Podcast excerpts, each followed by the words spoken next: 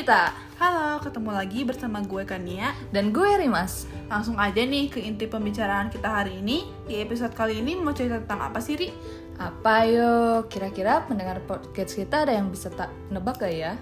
Pasti ada dong. Ayo semuanya tebak. Ya, di episode kita kali ini kita mau cerita tentang kuliner nih. Kan di episode kemarin kita udah bahas tuh tentang tempat wisata.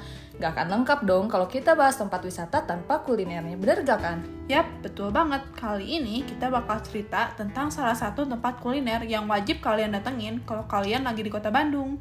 Wah, apa tuh kan? Pasti teman-teman di sini udah pada penasaran kan? Iga bakar si jangkung. Pasti beberapa dari kalian yang tinggal di Bandung udah nggak asing lagi kan sama nama tempat ini? Pastinya dong, bahkan kemarin gue lihat-lihat ya di Snapgram beberapa influencer terkenal kayak Aukarin, Sarah Gibson, Rahel Penya, Keanu, dan masih banyak lagi datang ke Iga Bakar Si Jangkung loh. BTW ceritain dong kan, apa sih Iga Bakar Si Jangkung tuh? Pasti mereka yang dengerin podcast ini pada penasaran tuh. Iga Bakar Si Jangkung tuh salah satu restoran yang sudah berdiri sejak lama dan terkenal karena rasa dari makanannya enak. Selain itu, penyajiannya juga unik banget. Restoran ini menggunakan cobek untuk menyajikan menu-menunya. Salah satu menu yang menjadi favorit semua orang yaitu iga bakar sapi. Iga bakar sapi di restoran ini dimasak dengan berbagai cara. Pertama, dagingnya direbus dan dimarinasi selama semalaman. Lalu dibakar sebelum akhirnya dimasak lagi dicobek dengan menggunakan mentega, kecap, bawang, dan tomat. Wah, pasti teman-teman di sini udah pada tertarik buat coba kan? Pastinya dong, menurut gue sih rasanya spesial banget dan kalian gak akan pernah nemuin makanan ini di tempat lain. Oh iya, selain dari segi rasa yang nggak perlu lagi diragukan, gue mau nambahin nih dari segi pelayanannya. Tempat ini selalu rame apalagi waktu weekend.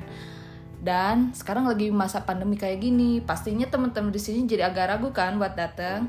Tapi kalian gak usah khawatir, di sini ada sistem waiting list dan setiap tempat duduk dikasih jarak biar nggak terlalu berdempetan.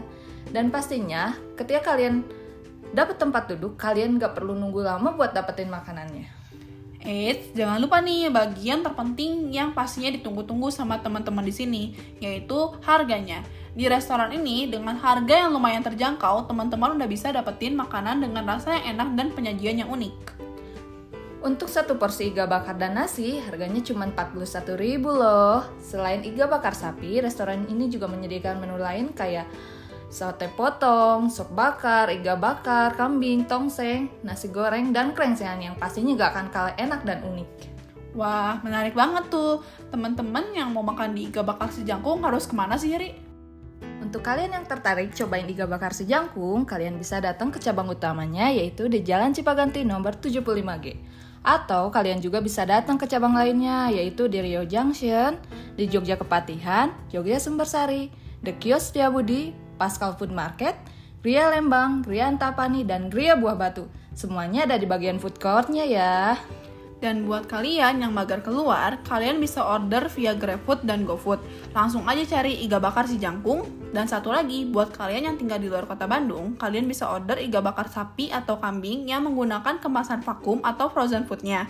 Langsung aja kunjungi Instagramnya di @iga underscore bakar underscore si underscore jangkung.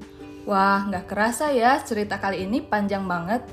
Apalagi ngomongin kuliner legendaris ini nih, yang nggak akan pernah habisnya kalau kita ceritain. Gue jadi lapar deh. Ya udah, kalau gitu kita tutup aja cerita di episode kali ini dan langsung ke, cus ke iga bakar si jangkung yuk.